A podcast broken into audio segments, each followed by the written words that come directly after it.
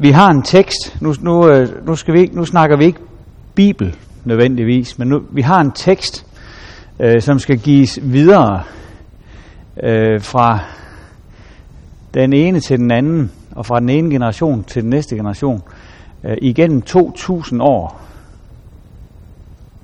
Øh, de første 1500 år, øh, der kan man ikke trykke den. Der kan man kun give den videre ved at skrive den. Altså skrive en ny kopi i hånden. Hvad kan gå galt øh, på de 2000 år? Øh, og hvorfor kunne det gå galt? Vend, vend, lige, vend lige det med, med hinanden sådan til indledning. Alt skal bud på, hvad der, hvad der kan gå galt i sådan en proces, og, og hvorfor, det kunne, hvorfor det kunne gå galt. Lad. Skrivefejl. Yes. Læsefejl. Ja, så man tror, der står noget andet der, og giver det videre. Alt kan gå galt. Ja. Menneskelige fejl. Det er menneskeligt at fejle. Ja.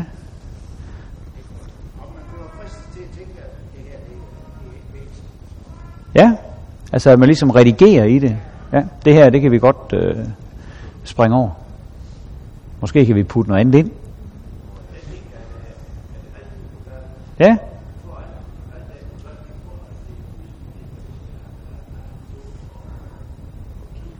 Ja. Ja. Ja, men, men altså, du, du er mange skridt foran mig nu, fordi uh, vi, vi snakker simpelthen bare om en eller anden tekst, der skal gives videre i 2000 år. Og der, der kan jo meget gå galt, må vi sige. Men nu skal vi prøve at kigge lidt nærmere på emnet. Jeg tror bare, det er vigtigt, at vi lige fra begyndelsen af øh, gør os klart, at der er jo rigtig mange ting, der kan gå galt, når en tekst skal gives videre over så mange år. Heldigvis så, øh, så er vi ikke sådan på, på bare bund med det, og det håber jeg, at I, øh, at I også vil få et indtryk af øh, i det, som jeg skal dele med jer nu. Øhm, der er jo nogle varianter imellem vores evangelier. Hvis nu vi tager øh, de tre evangelier, der sådan i opbygning minder meget om hinanden, Matthæus, Markus og Lukas, så ved vi jo, at øh, Markus evangeliet øh, har den her øh, slutning med, at kvinderne gik fra graven, og de sagde ikke noget til nogen, for de var bange, står der. Og der slutter øh, prædiketeksten i den række, hvor det er dagens tekst. Og så er der i Markus evangeliet dernæst øh, sådan en lille koncentreret afslutning, hvor der står noget om, hvad der skete efter, at de havde forladt graven og var bange og oprindeligt ikke ville snakke med nogen osv. Og som ligger ganske tæt på hændelserne i de andre evangelier, Matthæus og Lukas. Øh, den lille slutning, koncentrerede resumé-slutning, der er i Markus evangeliet der, den ved vi, at den ikke oprindeligt har været med i Markus evangeliet. Og det ved vi, fordi de udgaver af Markus evangeliet, som man har fra før 400-tallet, har ikke den slutning med. Så må vi spørge os selv, hvad betyder det så? Og svaret er, at det betyder ingenting.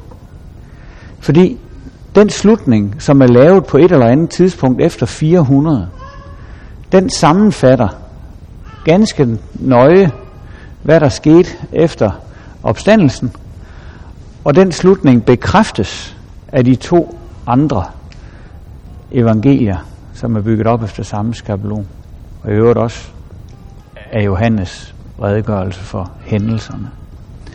Så det er ikke noget, der betyder noget. Det, er, det er en variant, som vi ved, vi har fået ind på et tidspunkt. Der er der kommet det der ind, men der står ikke noget andet i den, end der står i de andre evangeliers originale tekst. Så det er ikke noget problem. Men der kan jo godt være nogle spørgsmål omkring forskellige øh, bibeludgaver, som er problematiske. Forskellige udgaver af den samme tekst. Har I en bibel med nu her? Så prøv at finde Romerbrevet kapitel 5. Øhm, I Romerbrevet kapitel 5 i begyndelsen, der, der står der jo et herligt, herligt vers i vores bibeludgave. Der står der, da vi nu er blevet gjort retfærdige af tro, har vi fred med Gud ved vor Herre Jesus Kristus. Det er et dejligt vers at læse. Da vi nu er blevet gjort retfærdige af tro, altså det er Gud, der har gjort os retfærdige af tro, så har vi fred med Gud på grund af Jesus og alt det, han er og har. Dejligt. Der har været en diskussion om det vers. Der har været en diskussion om et bogstav i den tekst. Om det er det rigtige bogstav, der står der. Det er det der med, har vi fred med Gud? Har. Det hedder ekomen på græsk. Ekomen med et O. Ekomen. Der er et andet græsk ord, der ligger meget, meget tæt op af det samme ord, der er bøjet på en anden måde. Så står der ekomen. Så står der et O i stedet for. Et O i det samme ord. Det er bare et bogstav, der er byttet ud i det ord. Hvad betyder det, hvis det er et Å? Så betyder det, så lad os have fred med Gud. Kan I høre forskellen? Da vi nu har gjort retfærdige ved tro, så lad os have fred med Gud. Det er ikke det samme. Lad os have fred med Gud. Det er jo en opfordring. Hvorimod det andet, har vi fred med Gud.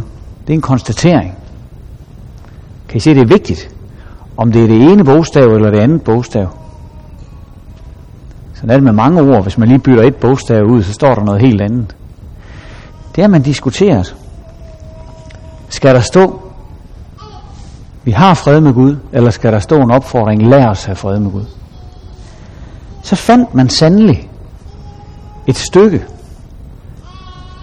af Romerbrevet i en udgravning. Man kalder den for majuskel 0220. De har sådan nogle sjove navne, alle de der ting i de der optegnelser. Men det er sådan et lille stykke af Romerbrevet, et stykke af en side. Og ud fra øh, den skrifttype, som er anvendt, der kan man se, at den er fra før år 300, den der stump, man fandt. Lille stykke af Romerbrevet 5, hvor man har det første vers med. Og det var jo guld værd. Nu kan vi finde ud af, hvad den oprindelige tekst er. Ikke? Vi har en tekst fra, vi har en udgave af Romerbrevet 5 fra før 300. Nu kan vi folde den ud, og så kan vi se, hvordan så Romerbrevet ud dengang, og så kan vi få lukket den diskussion. Og man folder den ud, det er jo ikke noget, man bare sådan gør, men der er nogle fagfolk, der, der har grejet og kemikalierne og sådan noget, så de kan folde sådan en gammel lap ud, så den ikke går i stykker, mens man gør det. Og man finder det her ord, står der ekomen eller ekomen, og der er et hul. Lige der, hvor det bogstav har stået. Hvad gør man så? Så tager man sådan en her. Kender I den? Ja, skydelærer. Og så tager man og måler alle bogstaverne i det stykke af siden, som man har. Hvor bred er de? Hvor bredt er et O? Hvor bredt er et å I det samme dokument.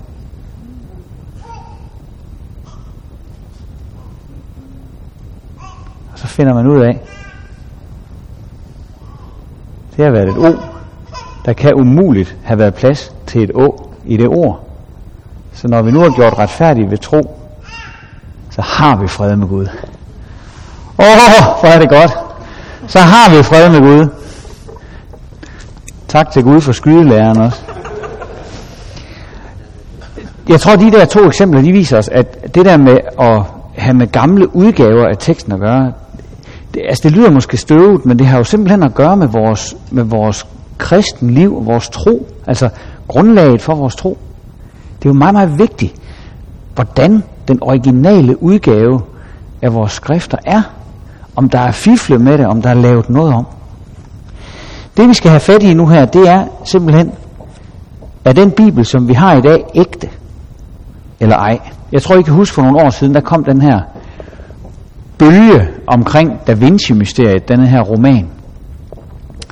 I den der står der om, hvordan kejser Konstantin, den første kristne kejser, ændrer det nye testamente, så Jesus han bliver en anden, end han oprindeligt var. Jeg har så lige et par linjer med fra den der øh, roman. Der står der, for at kunne skrive historiebøgerne om, indså kejser Konstantin, at han måtte gøre noget drastisk. Det førte til det mest afgørende øjeblik i kristendommens historie. Kejser Konstantin bestilte og bekostede en ny bibel, hvor man udelod de evangelier, som omtalte Jesu menneskelige træk, og forherligede de evangelier, hvor han blev beskrevet som guddommelig. De tidligere evangelier blev forbudt, samlet ind og brændt. Nu er Da Vinci-mysteriet jo bare en opdigtet historie, som Dan Brown han har skrevet, eller, eller hvad? I øh, forordet til romanen står der, at den bygger på fakta og grundig research. Så er det pludselig enormt vigtigt, hvem der er rigtig på den. Om det er Dan Brown, eller om det er øh, vores nytestamente, som vi kender det i dag.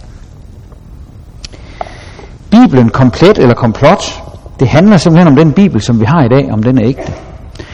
Og der er jo endnu væk gået omkring 2000 år, bare siden evangelierne blev skrevet, og betydeligt længere siden Gammeltestamentet blev skrevet. Så egentlig er det nærliggende at tænke, om ikke der er ændret meget i skrifterne over så lang tid. Det er jo givet videre som afskrifter af afskrifter. Og er det så overhovedet den oprindelige samling af evangelier, vi har? Det kunne man jo også tænke sig, det var anderledes. At der simpelthen kommer nogle andre evangelier ind, som Dan Brown skriver i sin roman. Hvis nogen af dem er blevet censureret bort, som egentlig skulle have været med, så er vi jo egentlig ikke ret godt kørende med den bibel, som vi har. Og det skal vi prøve at se på. Men først, så skal vi på en lille tidsrejse. Vi skal tilbage til 1840'erne.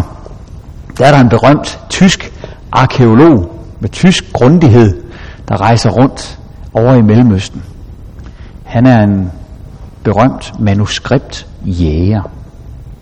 Han hedder von Tischendorf, specialist i Ny Testamente, meget optaget af at finde den mest oprindelige tekst til det Nye Testamente. Han skriver hjem til sin forlovede i Tyskland. Hun måtte for øvrigt vente syv år på at blive gift med ham, fordi han rejste rundt og ledte efter manuskripter til det nye testamente. Jeg står over for en hellig opgave. Kampen for at genfinde den mest oprindelige tekst til Ny Testamente.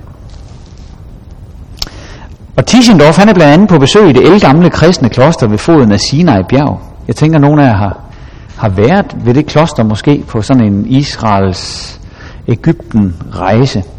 Det er Sankt Katarina kloster, der ligger der. Elgammelt munkefællesskab. Går helt tilbage til 527 efter Kristus. Så det er et rigtig gammelt kloster. Her er von Tischendorf som en anden Indiana Jones på jagt efter gamle manuskripter. Gamle håndskrevne kopier af dokumenter. Det var jo først omkring 500, for 500 år siden, at man begyndte at trykke. Altså bogtrykkerkunsten blev opfundet af Gutenberg. Sådan lige før Luther han lavede sine skrifter. Det var da alle tiders. Indtil da, der skrev man alting i hånden. Og ville man have flere eksemplarer af en bog, så kunne man ikke bare trykke på en knap og få tusind mere. Men så måtte man sætte sig ned og skrive hvert enkelt eksemplar i hånden. Og det er jo det, som ordet manuskript betyder. Manus, det er jo hånd, ligesom manuelt arbejde. Så manuskript, det kan vi godt høre, det er noget med håndskrift, noget der er skrevet i hånden. Tischendorf, han lever i Ægypten, og det gør han, fordi klimaet i Ægypten er så tørt, at sådan nogle gamle papirer, de kan holde sig uændret i århundrede efter århundrede. Og det var godt, at han kom lige præcis den dag. Det var i sidste øjeblik. Han fandt ikke det, som han ledte efter i biblioteket, men derimod i en spand. Munkene i klosteret, de havde sådan en spand, hvor de øh, satte gamle sager hen, som de ville fyre op med i deres brandovn. Og nede i den spand, der stod der nogle gamle bogruller. Han får lov at rode, og op ad brændespanden, der trækker han 43 fine ark med græske bogstaver på. Det var elgamle kopier af gamle testamente tekster. Munkene fortæller, at de allerede har brændt to kurve med gamle skrifter. De er så dejligt tørre at fyre op med. Men øh, dem, som Tischendorf han redder, de ligger altså nu i dag på øh, universitetet i Leipzig og er vigtige kilder til Jeremias bog og Esters bog og andre skrifter i Gamle Testament. Så kommer han tilbage nogle år efter, og der finder han ikke rigtig noget. Det er som om, de er holdt op med at, at futte deres gamle skrifter af efter den historie. Munkene de er meget hemmelighedsfulde, de fortæller ham ikke sådan lige, hvad de ligger inde med, indtil han viser en af dem en bibel på græsk, som han har fået trygt, altså sådan en, en ny bibel der i 1840'erne. Så svarer munken, at øh, han har også en bibel på græsk. Og så tager han ham med op af snørklede trapper op til sin lille munkecelle, sit lille munkeværelse i det der klosterkompleks. Deroppe der har han ligesom sådan et, et skab med et forhæng for. Inde bagved trækker forhænget til side og trækker en kæmpe stort håndskrift frem, som er pakket ind i et rødt klæde. Det er en bog med de smukkeste håndskrevne ark. Meget, meget velbevaret. Og den er kendt som Sinai-håndskriftet, fordi den kom dernede fra. Det er noget, som man, man kender i, i bibelforskningen over hele verden i dag. Sinai-håndskriftet. Den der bog, som lå i munkens klædeskab. Sinai-håndskriften, det er en komplet udgave af Ny Testamente og en hel del af Gamle Testamente. Og den er skrevet ned cirka 350. Det er godt nok en gammel bog. 350. Det kan man se på, på typerne, man har skrevet med. Vi snakker om 300 år efter at de første øjenvidner fra Ny er døde. Der bliver den her kopi skrevet ned. Den bog er en uvurderlig skat, når vi skal finde ud af, hvor godt Bibelen er blevet overleveret de sidste 1700 år. Så har vi den. Det er ikke nogen bogrulle, men det er en bog med sider, sådan lidt ligesom bøger, vi kender. Øh, man mener, det har øh, været fordi den var lettere at transportere med. Der er nogen, der har været tidlige til at opdage det her format, at det var nemmere at blade med. En bogrulle er jo i det hele taget temmelig uhåndterlig. Øh, hvis man skal rulle frem og tilbage i sådan en, det er jo et værre arbejde, så det er meget lettere at blade i en bog. Materialet er 346 blade af pergament, og pergament, det er jo, det er jo ikke papir, det er jo skin, sådan noget garvet kalveskin, som er behandlet på fineste vis, så det bliver helt hvidt og fint og kan skrives på. 199 blade fra det gamle testamente, 147 fra det nye og det regnes for at være en af de smukkeste bøger, der nogensinde er lavet. Den ligger på British Museum i dag, over i London. Og hvis øh, man skriver Sinai-håndskriftet i sin øh, browser, så kan, man, øh, så kan man komme ind og se den. Altså simpelthen billeder af de der sider. Det er noget af det flotteste, der findes af den slags. Hvordan kunne så noget forsvinde i et kloster, og så ende i klædeskabet hos en munk oppe på hans lille værelse? Det er svært at vide. Men man kan kun gisne om historien, og man kan også kun gisne om, hvad munkene har nået at kassere og fuldt af, før Tischendorf han kom. Når vi sammenligner vores Bibel med det her flotte gamle skrift, den her elgamle tekstudgave fra 350 cirka, så er der kun nogle ganske små variationer i teksten. Og det er godt at vide. Alle forskellene er beskrevet ned i mindste detalje. Det er tilgængeligt for alle, og alle forskellene er små. Når der er en øh, lille afvielse i den her 1600 1700 år gamle bibeltekst, øh, så er den som regel så lille, at det overhovedet ingen indflydelse har på tekstens betydning. Så kan det være sådan noget med, at man kan stave et ord på flere måder, og så er det alligevel det samme ord. I ved, der var en tid, hvor man ikke havde en retskrivning. Det ser vi på vores gamle, i vores gamle kirker, prædikestole og andre steder, hvor der står noget skrevet. Så er det skrevet sådan stavet, ligesom man siger det. Frygt med ø og sådan noget. Det, der var ikke nogen regler for det. Man skrev bare derudaf. Og man kunne godt læse det. Men man kunne stave ordene på flere forskellige måder. Det er ofte det, der er tale om. Derimod så slog man meget hårdt ned på unøjagtige gengivelser af teksten. Det blev bare ikke tolereret. Og det viser et andet håndskrift, som vi har liggende nede i øh, Vatikanets bibliotek. Øh, det er et håndskrift, der er lidt ældre end det her Sinai-håndskrift, så det er nok cirka fra 300. Vatikan-håndskriftet. Øh, der er blandt andet Hebræerbrevet med. Det er skrevet af møjsommeligt af en, af en munk, der er omkring øh, 300. Og der er der en, øh, en afvielse i Hebræerbrevet, kapitel 1, øh, vers 3. Det er jo der, hvor der står, at øh, Kristus, han bærer alt med sit mægtige ord. Kapitel 1, vers 3. Bærer, det hedder på græsk feroen. Og her har, øh, her har skriveren skrevet faneron. Det betyder noget andet. Det betyder åbenbar. Han åbenbarer alt med sit mægtige ord. Og det kunne man da måske egentlig øh, godt sige, uden at øh, der er noget som helst forkert i det.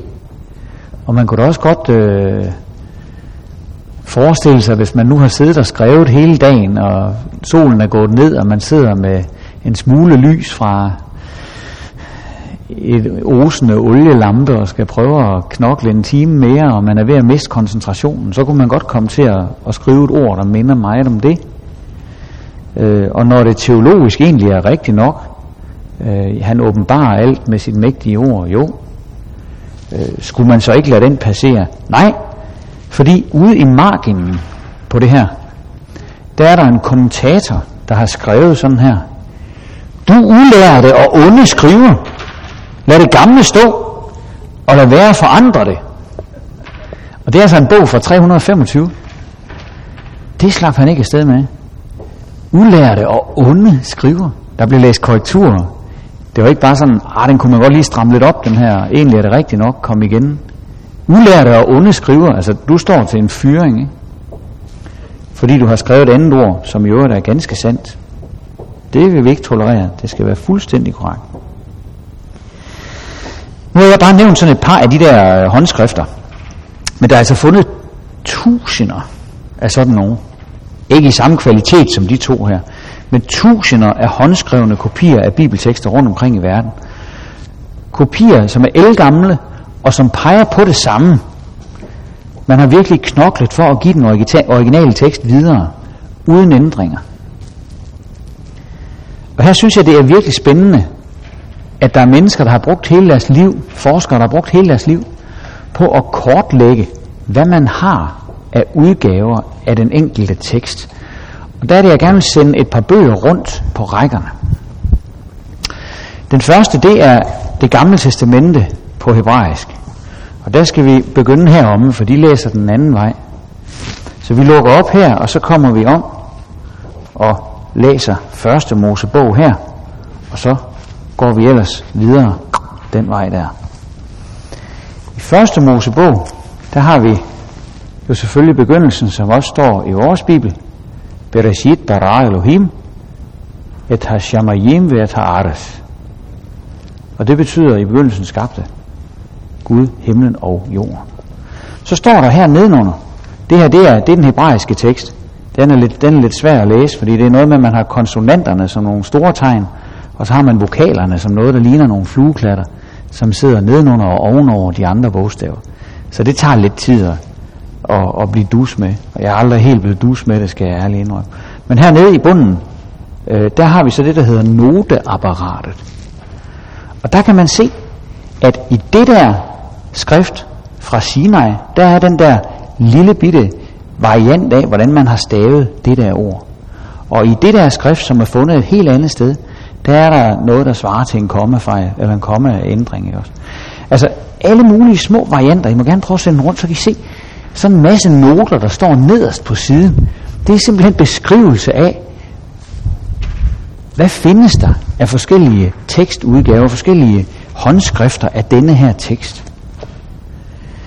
Så kan vi tage øh, det græske Nye Testamente. Der er lavet et arbejde akkurat lige så stort. Det er lidt nemmere at læse. Der er både blader og læser vi samme vej som på dansk. Men det her det er så begyndelsen af Johannes evangeliet. Der har vi det samme. Vi har teksten, og så har vi nedenunder noter. Det, det er fuldstændig ulæseligt for almindelige mennesker. Øh, men men det, er, det er kodesprog, der betyder, at i det der håndskrift, der har vi den der variant, i, i det der og det der står der det, men i det der, som er ældre, der står der det, som står i vores øh, udgave, for det har man jo valgt, fordi det var ældre, og derfor mere oprindeligt, og derfor har vi det med i vores bibel i dag. Jeg tager det bare med, ikke for at I skal kunne læse noteapparatet eller kløjs i det, men jeg synes, det er spændende, at der er blevet lavet sådan et kortlægningsarbejde over alt, hvad man har, og der kommer hele tiden nyt til. Så det er et kæmpe, kæmpe forskningsområde, som man arbejder med. Der er simpelthen en herskare af bibelforskere, der sidder og arbejder med det her. Øhm, hver gang der er øh, et større problem øh, imellem to udgaver af teksten, altså hvor et håndskrift ligefrem siger noget andet, end vores bibel gør i dag, øh, så er det normalt kun en enkelt håndskreven kopi, der kan opdrives, som har en alternativ tekst. Og tit så vil det være sådan, at denne, dette ene eksemplar, som har en anden variant af teksten, det er et eksemplar, hvor der så er siddet en og skrevet af, og skrevet en udgave af teksten, som er mere spiselig end det, som står i originaludgaven. Den fristelse har jo også været der til alle sider. Men hvis man så har 10 andre udgaver, og nogle af dem også er ældre end denne her variant, som alle sammen siger noget andet, så ved vi jo godt, hvad det er, der skal stå i originalteksten.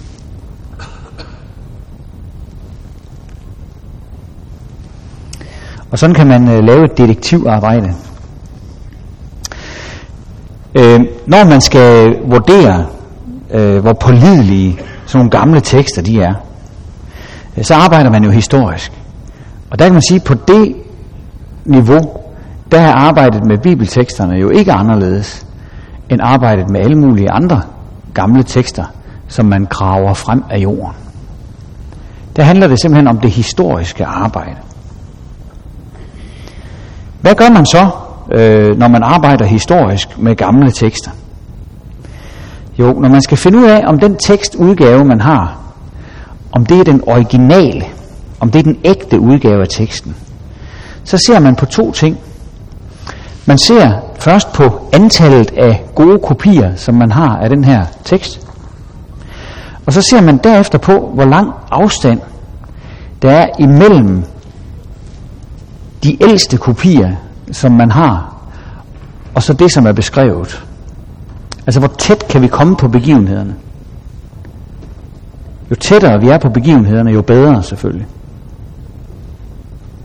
Jo tættere er vi på den allerførste udgave af Johannes evangeliet, som vi desværre ikke har, men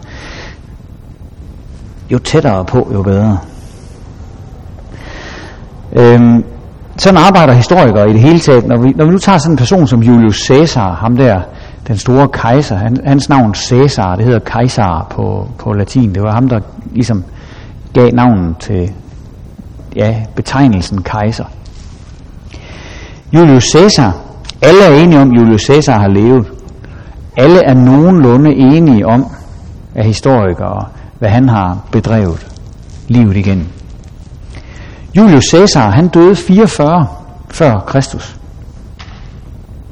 Han udgav en bog om sit liv og sine krige. Originalen den er væk. Men der er overleveret 10 håndskrevne kopier af den. Og den ældste kopi, vi har af bogen om Julius Caesars liv, den er skrevet år 900 efter Kristus. Det er den håndskrevne udgave af Julius Caesars biografi, som er tættest på Julius Caesar. Så der har vi altså et tidsspænd på 900 år, 950 år, 60 år. Alligevel så regner man øh, det for at være en troværdig kilde til Julius Caesars liv. Der er ikke nogen, der siger, at det ikke vi ikke regne med, for der er 960 år imellem. Nej, vi har en udmærket kopi af den bog, og der er ikke nogen tvivl om, at, at det var sådan, det var. Hvis nu vi tager en anden øh, kendt person, som vi sikkert også har hørt om, Platon, filosofen, så levede han og skrev 300 år før Caesar.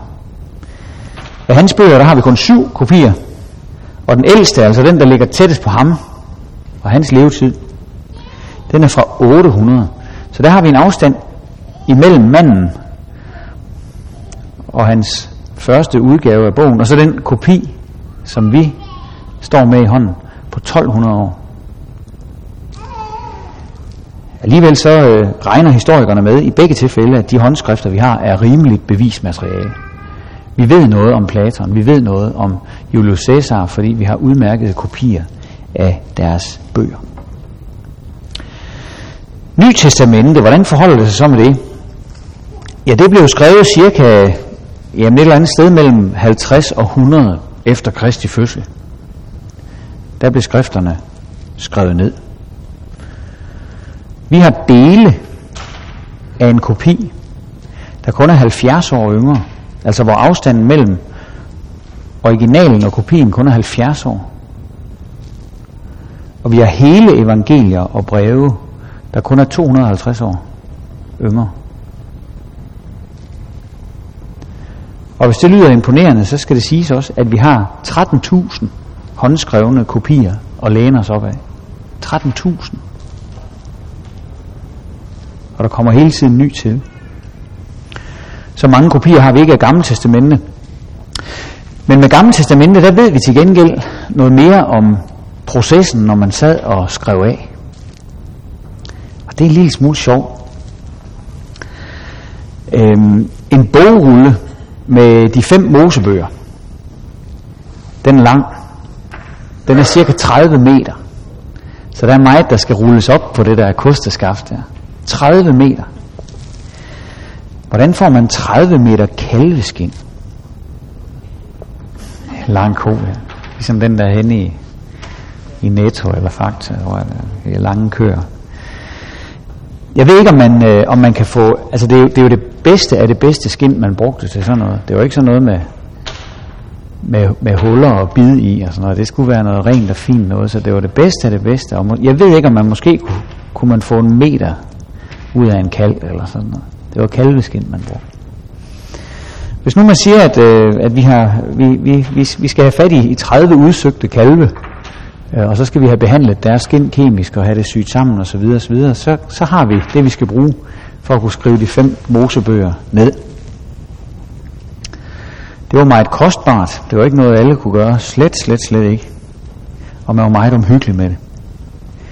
Hvis en skriver lavede en fejl, så var der ikke noget, der hed viskelæder eller sådan noget. Det var jo noget meget stærkt farvende blæk, som blev suget ind i det her skin. Det kunne man sandelig ikke bare sådan sidde og krasse væk igen. Og det galt heller ikke at male ovenpå. Nej, for det skulle være perfekt. Så pillede man de to syninger op, som var på hver sin side af, af det her skin. Og så syede man skinrækken sammen igen og smide det der skin med skrivefejlen ud. For man kunne ikke øh, have en bibeltekst, hvor man havde siddet og grættet i det. Det skulle være perfekt fra ende til anden. Det må have været ærgerligt, hvis man har siddet og, og, og skrevet sådan en, en, en, en, en meter skin øh, med en masse flotte bogstaver, man har gjort sig rigtig umage med. Og så ved vi fra de jødiske kilder, at hvis skriveren var kommet til at stave Guds navn forkert, så smed man hele rullen væk. Det var, øh, altså det var, det var så uhørt, det var så, det, var, det var så stor en katastrofe, at man kom til at stave Guds navn, som jo på hebraisk er JHVH. Hvis, man, hvis skriveren kom til at skrive det forkert, så tog man, jamen tænk, det kan være, man er nået helt hen i enden af 5. Mosebog, ikke? Og vi mangler kun en meter, vi har skrevet 29, og så kommer han til at klatte med, med penslen der, med pinden, så tager man det hele og smider det væk. Og det, det siger os jo noget om, at jamen altså, hvordan man arbejdede, at, at bibelteksten er givet videre på nøjagtigste vis. Ikke sådan med øh, går den, så går den, og vi, vi skriver sådan nogenlunde det, der står. Og der, der har været korrektur på. I den grad. Kontrol, kontrol, kontrol.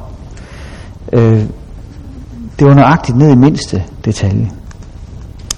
Den her nøjagtighed, den blev også øh, demonstreret for hele verden et par år efter 2. verdenskrig. Der gik Mohammed, ikke ham Mohammed, men en lille, en lille gedehyrde rundt med sine får nede ved det døde hav. Og øh, ja, det var, en, det var ikke får, det var geder. Men der var sådan en ged, der var smuttet væk fra ham. Dernede var der så mange huler ind i bjergsiden, og gederne de ville jo gerne være inde i skyggen, ligesom alt andet levende, når det rigtig var varmt. Nu skulle han have gederne samlet sammen og hjem, og så havde de et gammelt trick, som de havde brugt i årtusinder, nemlig at smide en øh, sten ind i hulen, og så øh, bliver geden bange, og så render den ud, og så er den med i flokken også. Og han går og smider en sten ind i den hule, og det siger bange, og en sten ind i den hule, og bange, og næste hule, så siger det klir. Og det plejer det ikke at sige, når man smider en sten ind i sådan en hule. Så han går ind og kigger, hvad er nu det for noget? Det forlyder ikke, om han nogensinde fandt sin ged. Men derinde, der finder han en hel masse krukker. Og da man får det undersøgt, han løber jo hjem og fortæller øh, om sit fund, og da man får det undersøgt nærmere, så er der 11 grotter i bjergsiden med krukker i. Krukkerne de er forsejlede, helt lufttæt, nogle høje nogen. Og nede i krukkerne, der står der bogruller. 11 grotter, fyldt med bogruller. 800 mere eller mindre komplette skriftruller dukker op. Og det er jo dem, som vi kender som dødhavsrullerne. Dødhavsrullerne, de er øh, i dag udgivet. Alle dem, som, som man fandt. Der var noget med, at øh, de her beduiner, som øh, Mohammed han hørte til, de prøvede sådan at, at lukke nogle ruller op selv, og så smuldrede de. De gik tabt, man fandt aldrig ud af, hvad det var for nogle ruller. Øh, de prøvede også at brænde dem af, og der kom nogle øh, gangstertyper og købte nogle af de der krukker, og de forsvandt. Man aner ikke, hvor de er blevet af. Men, men alle dem, som, som, som man bevarede, og som kom i kyndige hænder, de er blevet udgivet øh, i bogform, så man kan læse, hvad der står i den. Man kan simpelthen låne dem på biblioteket i en bog, de tekster, der er i dag. Dødehavsrullerne. Og de stammer fra sådan en slags jødisk klostersamfund, noget der minder om senere tiders klostre. Og de gemte dem øh, da romerne kom for at smadre Israels land og Jerusalem øh, i år 70, der smadrede de også deres kloster. Og det var lige inden, at munkene lykkedes med at få skjult deres skrifter i, øh, i grotterne dernede. Rullerne, øh, det er meget forskelligt. Det er blandt andet bibelske tekster fra Gamle Testamentet. Første Mosebog, dele af salmernes bog, en komplet Esajas bog er der. Og her ser vi igen, at forskellene mellem vores bibel i dag og så teksten på så tidligt et tidspunkt er meget små. Så dødhavsrullerne, de viser os altså, hvordan centrale dele af Gamle Testamentet så ud, samtidig med, at evangelierne blev skrevet ned første gang. Det er da spændende. Vi ved, hvordan så noget som Esajas bog har set ud da Johannes satte pinden til papiret og skrev Johannes evangeliet. Så summa summarum, ud fra det materiale, vi har til rådighed, der kan vi regne med, at de bibeltekster, vi har, de er ægte. Hvad Nye Testamente angår, der, har vi, der står vi med en overvældende mængde af håndskrevne kopier. Den ældste er kun 70 år yngre end de originale evangeliebøger. Og hvad Gamle Testamente angår, der har vi håndskrifter, som er noget ældre. Det er det første, vi skulle se på i dag. Det næste spørgsmål, som så melder sig automatisk, og som jo så også blev rejst af ham, øh, krimiforfatteren Dan Brown, i den her bog, som han definerer som grundig researchet og fakta og sådan noget. Det er det der med, om det så er de rigtige skrifter, der er kommet med i vores Bibel. Nu har vi set, at de er blevet videregivet i den ægte form. Men var det i udgangspunktet det ægte budskab, der kom med i for eksempel evangelierne, da de blev skrevet ned første gang? Et af de argumenter, som man har ført frem imod det, øh, stammer fra Ægypten. Igen er det det der med det tørre sand. Der blev fundet øh, nogle andre bogruller i 1945, altså lige før øh, dødhavsrullerne, i en krukke på et sted, der hedder Nakamadi, ved Luxor, det kan være, at nogle af jer har været der også. Der blev der fundet 13 bogruller med 52 tekster. Blandt andet så fandt man det, der hedder Thomas evangeliet. Har I hørt om det? Thomas evangeliet, ja. Thomas evangeliet er også udgivet på dansk i dag, og kan lånes på biblioteket uden videre.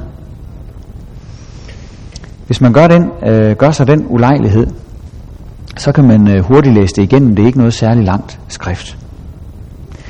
Dan Brown han skriver jo i sin roman Da Vinci-mysteriet, at kejser Konstantin fjernede Thomas evangeliet fra Bibelen, fordi han ikke brød sig om, at Jesus var som menneskelig i Thomas evangeliet. Er der nogen af jer, der har læst Thomas evangeliet? Nej, det har du. Hvordan vurderer, kan du huske, nej? Det, der er spændende her, det er, at det forholder sig fuldstændig modsat med Thomas evangelie. Altså at Thomas evangeliet skulle have en mere menneskelig Jesus, end de evangelier, vi har i dag. Det er simpelthen bare ikke rigtigt. Øh, Thomas evangeliet har en Jesus, der nærmest overhovedet ikke er menneskelig. Han virker som en, der fuldstændig har sluppet jordforbindelsen. Han virker som sådan en, øh, en guru, øh, der næsten svæver en centimeter over jorden. Øh, det kan man se lige med det samme, hvis man læser det. Øh, han kommer med læresætninger. Det, det er det eneste. Der er ikke noget sådan menneskeligt ved ham. Øhm, Thomas evangeliet, det er et meget asketisk skrift. Altså et skrift, som, som, øh, som siger nej til denne verdens øh, fornøjelser og, og fristelser. Alle verdens glæder, kan vi sige. I Thomas evangeliet, der er Jesus ikke bare imod fri sex. Jesus han er imod sex i det hele taget mere menneskelig. Ah, ah. Øhm, Jesus han mener i Thomas evangeliet, at kønnene skal nedlægges, øh, og mennesket skal holde helt op med at være et seksuelt væsen for at kunne gå ind i Guds rige. Mere menneskeligt. Ja. I Thomas evangeliet, der er det jo kun mændene, der er åndelige nok. Ja. Derfor må Jesus også først gøre Marie Magdalene til en mand, for at hun kan blive frelst. Mere menneskelig. Hmm. Der er ingenting om hverdagsliv. Der er ingenting om følelser. Der er ingenting om andet menneskeligt i Thomas evangeliet. Så hvordan Dan Brown kan skrive, at Jesus er mere menneskelig i Thomas evangeliet, det er simpelthen en gåde, eller rettere, han kan kun skrive sådan, fordi han aldrig selv har læst Thomas evangeliet. Han aner ikke, hvad det er, han skriver i sin bog. Der er en, som har sat sig grundigt ind i Thomas evangeliet. Det er en amerikansk forsker, der hedder Elaine Pagels. Og hun øh, skriver i, øh, i en af sine artikler, mens vi i det nye testamente finder en hel Jesus med syn for både ånd og handling, med begge ben på jorden og en, som ser os ind i øjnene, så har Thomas evangeliet til Jesus kun fokus på det åndelige. På mange måder fester han blikket ovenover vores hoveder. Vi møder ingen mennesker af kød og blod, og heller ingen, ikke noget indtrængende budskab om næste kærlighed og tilgivelse. Vi får ikke noget glimt af tilgivelse eller af de fattige, de syge og udstødte, af tollerne og synderne, som Jesus omgav sig med. Og hvor er måltidet, festen, fællesskabet og glæden? Eller børnene og mødrene? For ikke at nævne Guds gaver i vinen og brødet. Her er ingen vandringer eller blomster. Der er ikke noget om slidet for det daglige brød, eller nogen tillid til, at Gud er nær midt i en rå og brutal verden.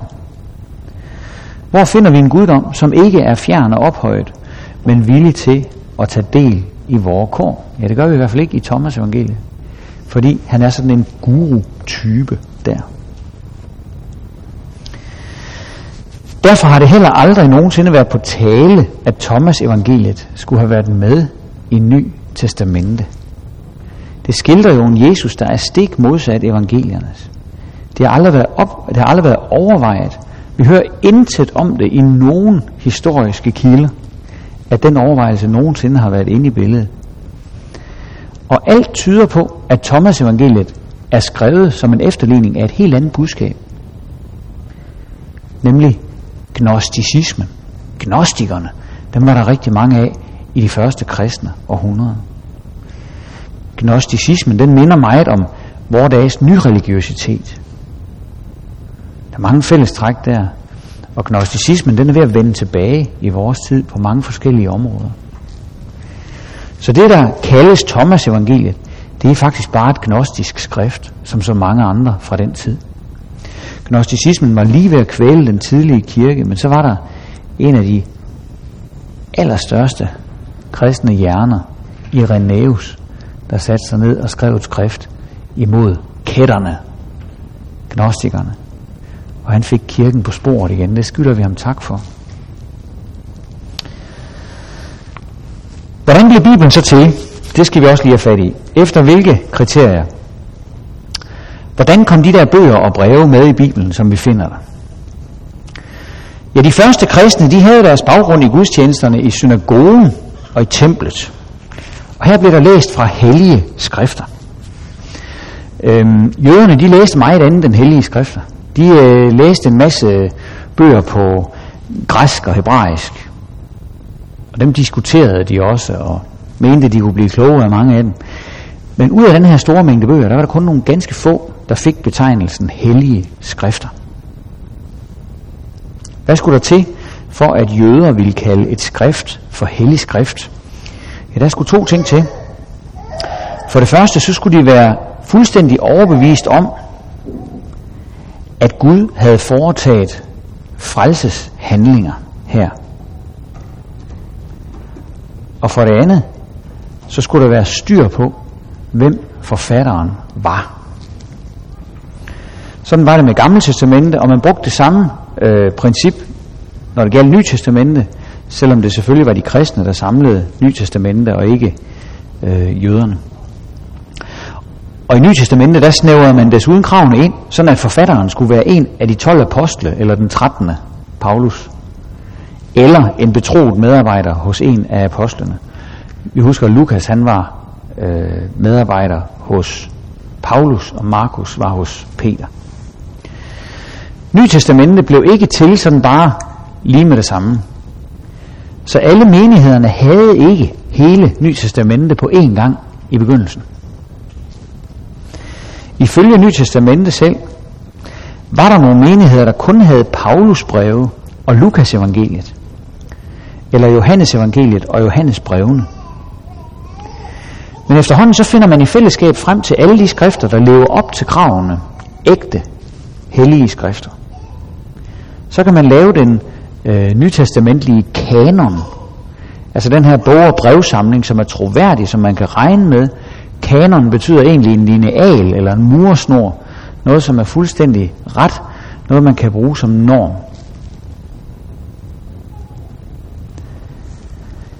I vores tid, der skrives der en del om, at der vist nok blev frasorteret en masse vigtige skrifter dengang, da Ny Testamente blev til. Men da Nye Testamente blev samlet omkring 150, der skete der faktisk det modsatte. Man frasorterede ikke en hel masse. Men tværtimod så samlede menighederne alle de accepterede skrifter, så de ikke længere behøvede at nøjes med at have for eksempel Johannes evangeliet. Pludselig havde man adgang til alle de accepterede skrifter. Og på den måde fik vi en stor tekstsamling, der bestod af evangelierne og stof fra Peter og Paulus, altså brevene, Jakobs brev og Judas brev. Konspiration, konspirationsteorier, dem er der mange af, og det er der også på det her øh, område, sådan nogle teorier om sammensværgelser. Øh, sådan noget med, har der, har der, ikke, været, har der ikke været en kejser indover, som Dan Brown han skriver, har, har der ikke været en pave indover, ligesom redigere det hele, lave det som bestillingsarbejde, eller hvad? Men virkeligheden er, at Nytestamentet er blevet til på en for den tid uhørt demokratisk måde. Der har ikke været en topstyring. Der har simpelthen ikke været en kejser, som kunne dirigere den proces omkring 150. Der var ikke nogen pave, der eksisterede ikke nogen pave, som kunne gøre det. I stedet så var det de enkelte præster og biskopper, som sørgede for at få gjort samlingen komplet ved at indhente de forskellige evangelier og breve, så alle kunne læse det hele. Her skal vi ikke tænke på øh, biskopper og præster som, øh, som folk, der sidder i dyre embeder og øh, er statstjenestemænd og hvad ved jeg. Men vi skal tænke på nogle øh, fattige prædikanter, som er klar til at give deres liv for sandheden, og som øh, med livet som indsats ofte har, har bevaret de her skrifter, og som nu sørger for, at menigheden over i den anden ende af landet også kan få lov at læse det her skrift, hvor der står, hvad Jesus han sagde til hende kvinden, der var grebet i hår, eller hvad det nu er. Så menighedernes øh, fælles anstrengelser for at samle Nyt Testamente øh, er altså overhovedet ikke sekterisk. Der er ikke nogen, der sidder og topstyrer det. Og derfor ender vi også med at få et ikke-sekterisk Nyt Testamente. Samtidig så får vi et Nyt Testamente, som er meget sådan forskelligartet, fordi bøger og breve hver især har deres vinkel på Jesus begivenheden. Men det er jo bare rigtig fint. Tager vi nu bare de fire evangelier, så er det jo fire forskellige vidner, som fortæller, hvad der skete. Vi kan sammenligne den her situation med, øh, der er sket et færdselsuheld, to biler er kørt sammen. Så kommer politimanden med notesblokken, spørger en mand på fortorv, hvad skete der? Jo, men øh, han kom deroppe fra, og, og han kørte vist lidt for stærkt. Nå, nå. Næste mand, spørger han. Jamen, øh, han kom derop fra, og så løb der en hund ud. Øh, han kørte vist lidt for stærkt. Okay, ja. Øh, næste vidne i rækken kan fortælle, at øh, det så ud, som om han sad og pillede ved sin radio, og, og, og så gik det galt, da hunden løb ud, og han kørte også for stærkt osv. De der forskellige oplysninger danner til sammen billedet af, hvad der egentlig skete. Og det, at evangelierne ikke er identiske og synkroniserede, det gør jo netop fortællingen troværdig. Den ene fortæller det ene omkring den her begivenhed. Den anden fortæller det andet om den her begivenhed. Fordi de ser det fra hver deres vinkel, har måske opholdt sig forskellige steder. Så har vi jo virkelig at gøre med noget veldokumenteret.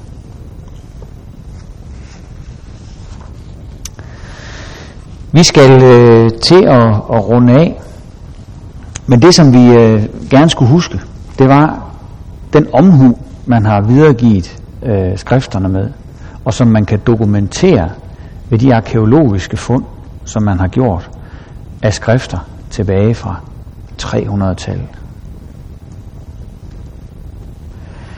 Den anden ting, vi skal huske, det er, at da Nye Testamente blev dannet, der blev tekstsamlingen udvidet. Det var ikke sådan, at man sorterede en hel masse fra, men man udvidede sin tekstsamling ved at samle alle de ægte skrifter sammen og få dem udgivet samlet, således at alle kunne, kunne læse dem. Og man ikke skulle bo i den by for at læse Johannes evangeliet, og den by for at, at læse Matteus evangeliet osv. Det aller sidste, som jeg vil øh, slutte af med, øh, det er måske sådan lidt på, på siden af, af emnet her. Men det er det der spørgsmål om, om teksterne så taler sandt. Øh, der ender vi jo. På en eller anden måde er det jo lidt ligesom sådan en ruse, øh, vi bevæger os frem i, og så Når vi arbejder med Bibelen, så ender vi jo før eller siden inde i bunden af rusen. Og der handler det om, passer det virkelig, det her jeg læser. Når vi nu øh, ved, at teksterne er de originale, der er ikke fiflet med dem. De er overgivet øh, samvittighedsfuldt fra generation til generation. Vi har de rigtige tekster. Så er spørgsmålet, passer det så det, der står i dem? Og det er der, at vi bliver konfronteret hver især, og er nødt til at finde ud af, hvad vil vi gøre med det her budskab. Det handler om koblingen mellem teksterne og vores hverdag. Kristen har altid fuldt sporet efter Jesus i de her tekster. Det kan alle egentlig gøre.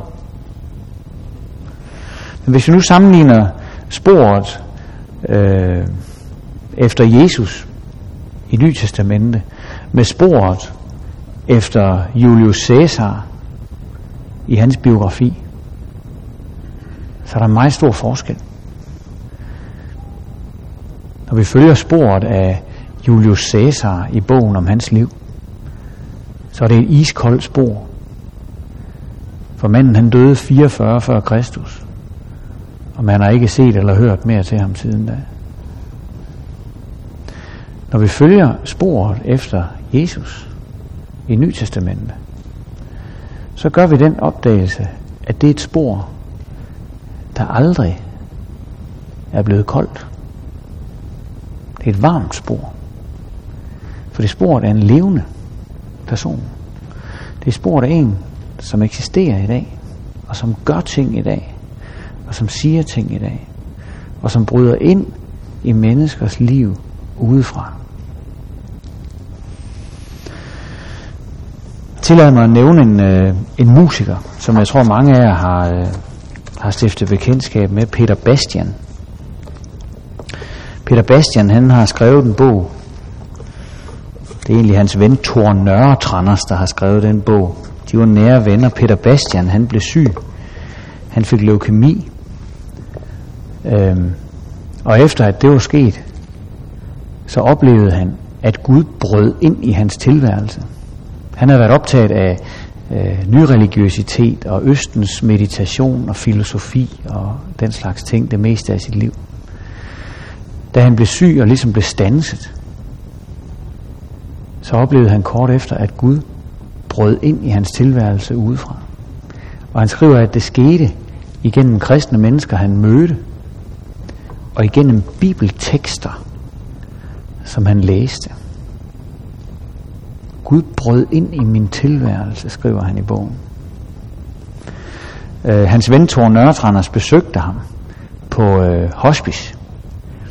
Og der havde de lange samtaler om det her, så, så skrev Thor samtalerne ned og udgav dem i den her bog, som man kan købe. Meget, meget spændende bog. Om en mand, der i 70'erne møder Gud og bliver døbt og får et nyt liv. Og så dør han to år efter. Peter Bastian. Når Gud med de her skrifter kunne bryde ind i Peter Bastians liv, så er det fordi sporet af Jesus er varmt i de skrifter. Vi møder ham simpelthen i de skrifter. Og øh, det sætter jo perspektiv over det hele. Men jeg synes, at det er, er rart, øh, selvom vi tror, at det er sådan, at vi så også kan sige øh, rent videnskabeligt, øh, der er der styr på, at de skrifter, som vi har i vores Bibel, er de originale. Der er ikke øh, rodet med dem. Øh, det synes jeg også er rart at kunne øh, selv læne sig op af, og at man også kan sige det til andre mennesker. Og det har jeg så prøvet at gøre nu. Tak. Ja, du vil godt høre mig.